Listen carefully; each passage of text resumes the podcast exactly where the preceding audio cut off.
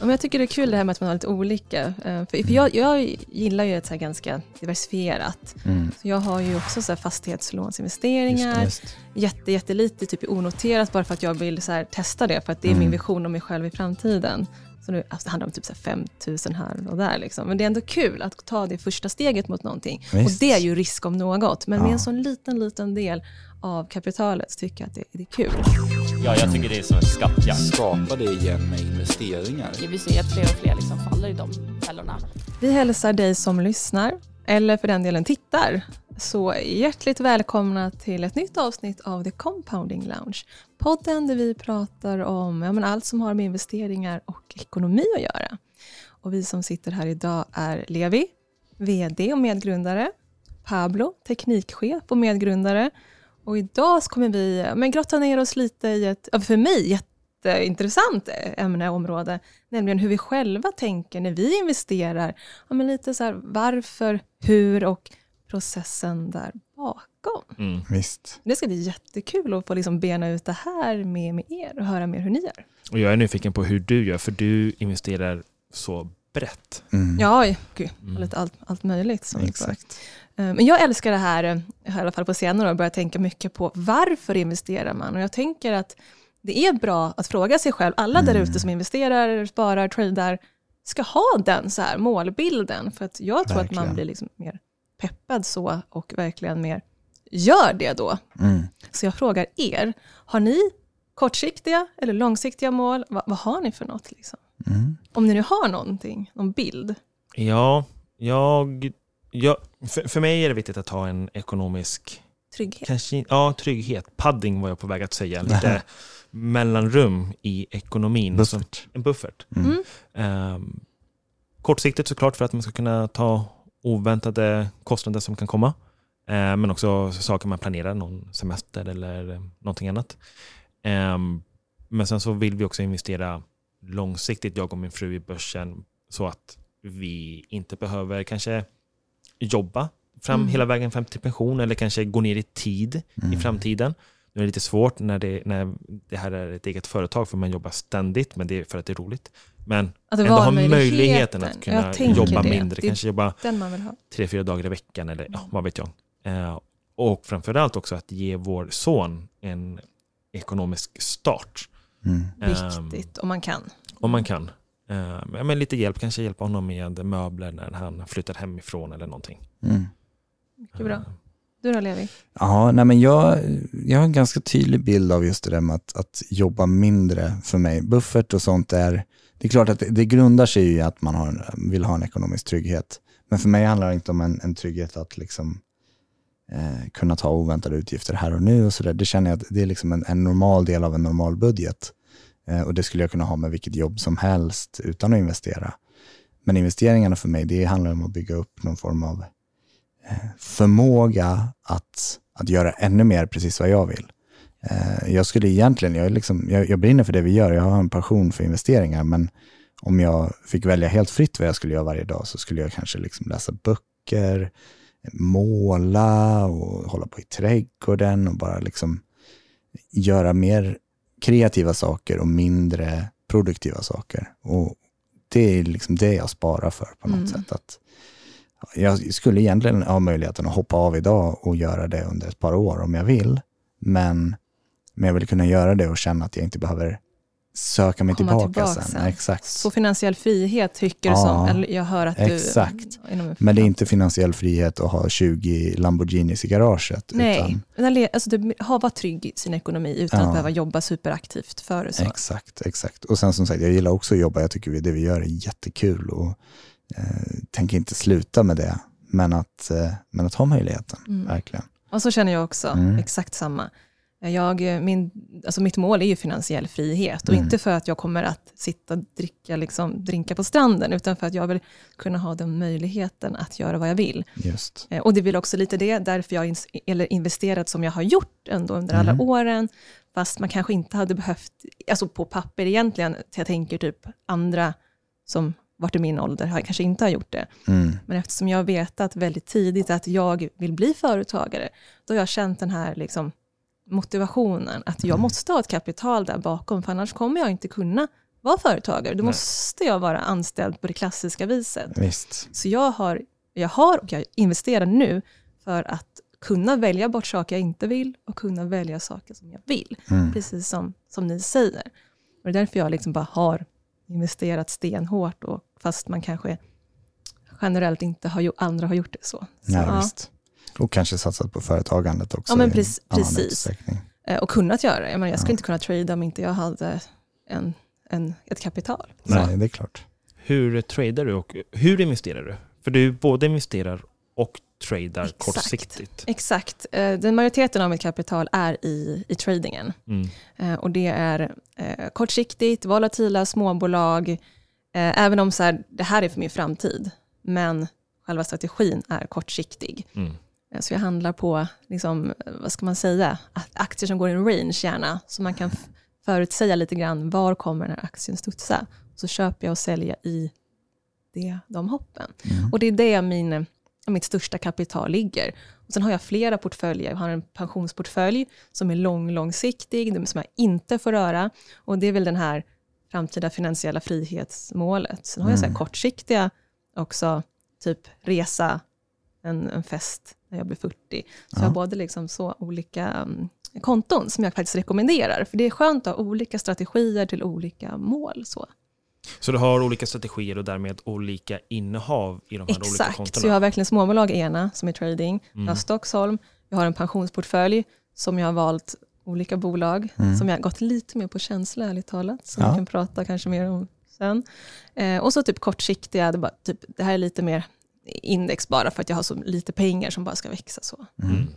Vad investerar ni i? Stockholm vet jag är en stor del. Absolut. Finns det något mer där? Ja, eh, nej, inte för min del. Jag pytte lite eh, krypto Mm. i ethereum.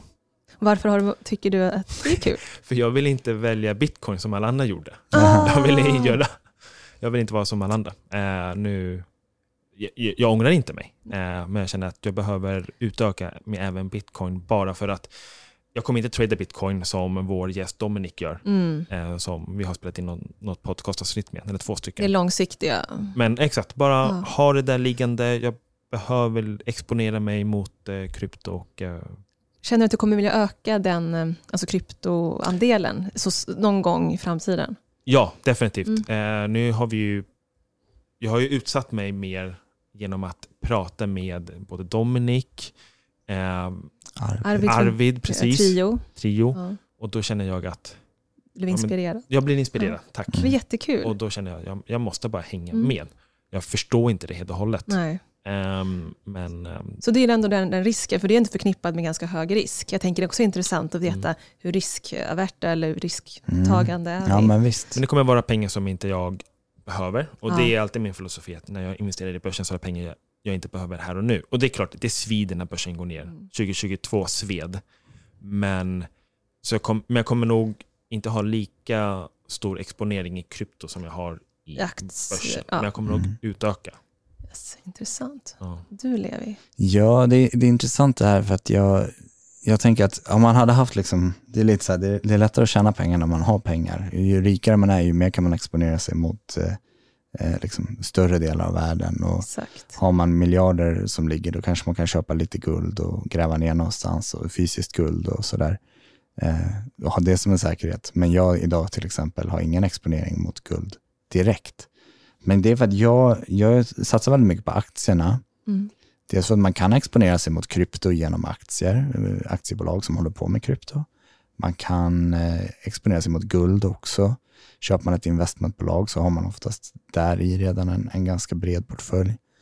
Så för mig finns det liksom ingen anledning att egentligen kliva utanför aktiesfären. Sen har jag köpt krypto direkt och det handlar mer om att eh, 2017 när jag började handla då fanns det inte så många bolag, eh, särskilt inte på svenska marknaden som var väldigt aktiva eh, inom krypto. Så då kunde man köpa något certifikat på, på Avanza tror jag, men Just det jag tyckte att det var lättare och kändes mer tryggt att köpa och äga valutan Direkt, själv då. mm.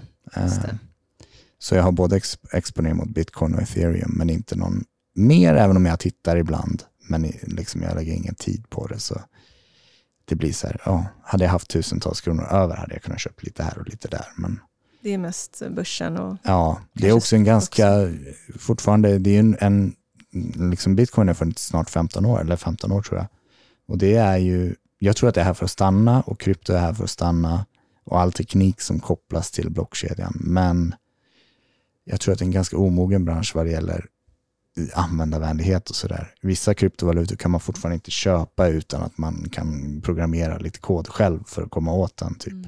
Och det är för mig, ja jag har inte den tiden. Eh, kanske skulle lära mig, men nej. Men jag har inte heller, eh, jag har ju liksom, jag har ju ärvt lite grann. Jag har exponering mot typ fyra hektar skog, vilket är ganska lite i, i eh, de ändå som kan intressant. skog. Det är Ja. inte alla som har mark på det viset. Nej, exakt. Men det är, det liksom, har gått i min familj i Mm. generationer och jag har svårt att, att släppa liksom Nej, den. det är klart. Det är en identitetsfråga lite grann på något sätt. Jag Det kommer ifrån jag. det här, min familj var skogsmän. Nu är jag också det, typ. Men i en väldigt liten skala jämfört med dem. Eh, och jag har eh, även ett par stugor som jag har ärvt. Eh, ingen som är värd särskilt mycket pengar i förhållande till min aktieportfölj, men det är både en trygghet och någon form av framtida liksom, förhoppning att man ska kunna ta hand om det och kanske göra, förbättra och eventuellt hyra ut någon gång. Så.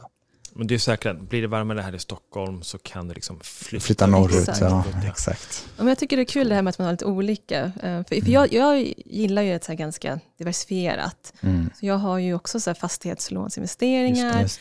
jätte, jättelite typ onoterat bara för att jag vill så här testa det, för att det är Mm. min vision om mig själv i framtiden. Så nu alltså, det handlar om typ så här 5 000 här och där. Liksom. Men det är ändå kul att ta det första steget mot någonting. Och Visst. det är ju risk om något. Men med Ja. en sån liten, liten del av kapitalet så tycker jag att det, det är kul. Ja, absolut. Eh, och så har jag typ någonting, så typ tusen i Novo, så här lite, lite grann bara för att jag tycker att det är roligt att Mm. testa på. Och att inte, allt inte bara är börsen, börsen Nej. så. Så jag, jag, så, jag gillar olika spridningar, olika tillgångslag, också bara för att jag gillar spridningen i sig, men Mm. också för att jag tycker om den känslan. Ja, men visst. Det blir lite intressant också, för vi, eh, Stockholm som metodik är byggd för, att- för att sälja avkastning. Vi vill ju skapa hög avkastning med vår metod. Och det är ju, på ett sätt är det bland det viktigaste man kan tänka på när det kommer till investeringar. Att se till att man får ut så mycket tillbaka, return on investment, som möjligt. Men return on investment kan ju också vara det här lite mer psykologiska. Bara det att jag tycker att det är roligt att vara delägare i ett bolag. Det är roligt att stötta den här resan. Det är också någon form av liksom, livskvalitet i det som man får tillbaks. Även om det inte skulle bli en succé pengamässigt. Mm. Eh, och sen har man andra bolag som man kanske bara äger på grund av att man tycker att de har en eh, stor potential Exakt. ekonomiskt. Men om, om ni skulle liksom investera i så här nya bolag, hur tänker ni? Är det typ fundamental analys, skulle det vara teknisk analys? Vad är en sån här, det här tycker jag är viktigt och intressant och drivs? Mm.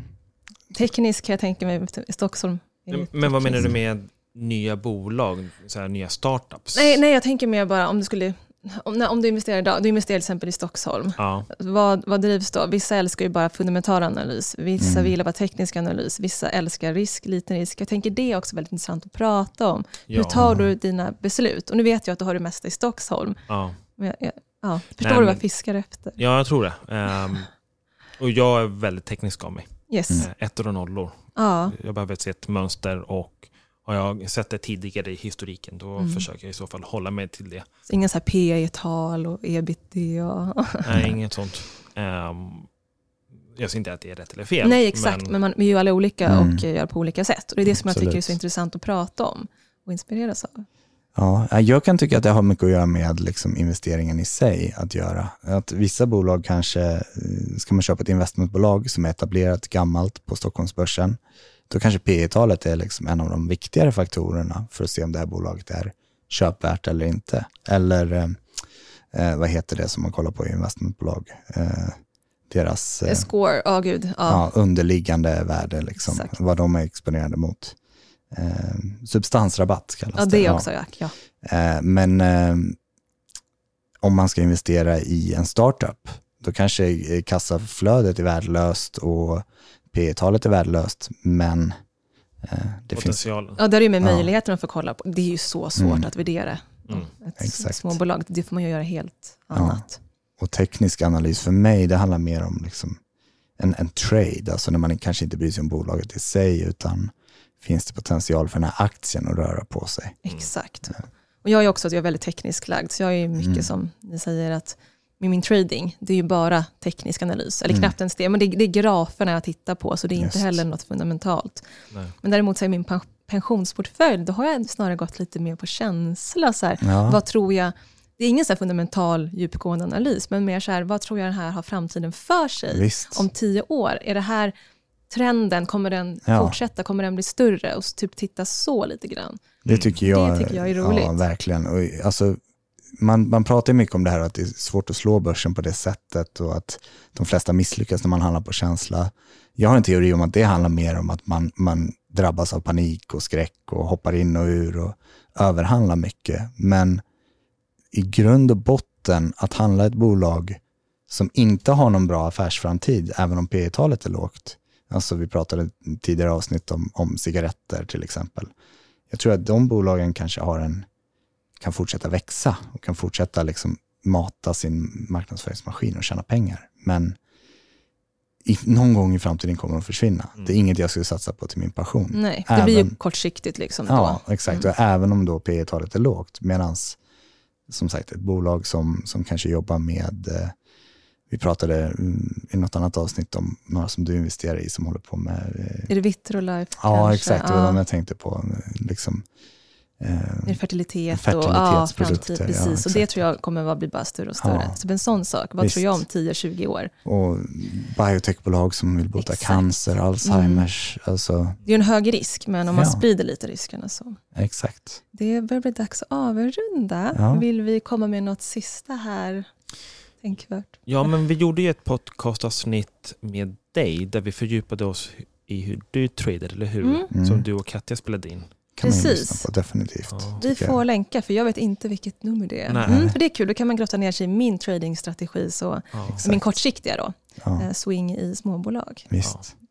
Sen tycker jag att vi, man, man ska alltid tänka, man ska gå tillbaka till sig själv när man investerar eller tradar. Ja. Och även om man kan exponera sig väldigt mycket mot till exempel Stockholm som metod, så det är inte så dumt att tänka, även att investera i liksom sig själv, sin utbildning, Ja. eh, sitt boende, allt som gör att man mår bra och känner att man kommer att må bättre i framtiden. Ja. Det, Jätteklokt. Bra sista ord, Mm. kör vi.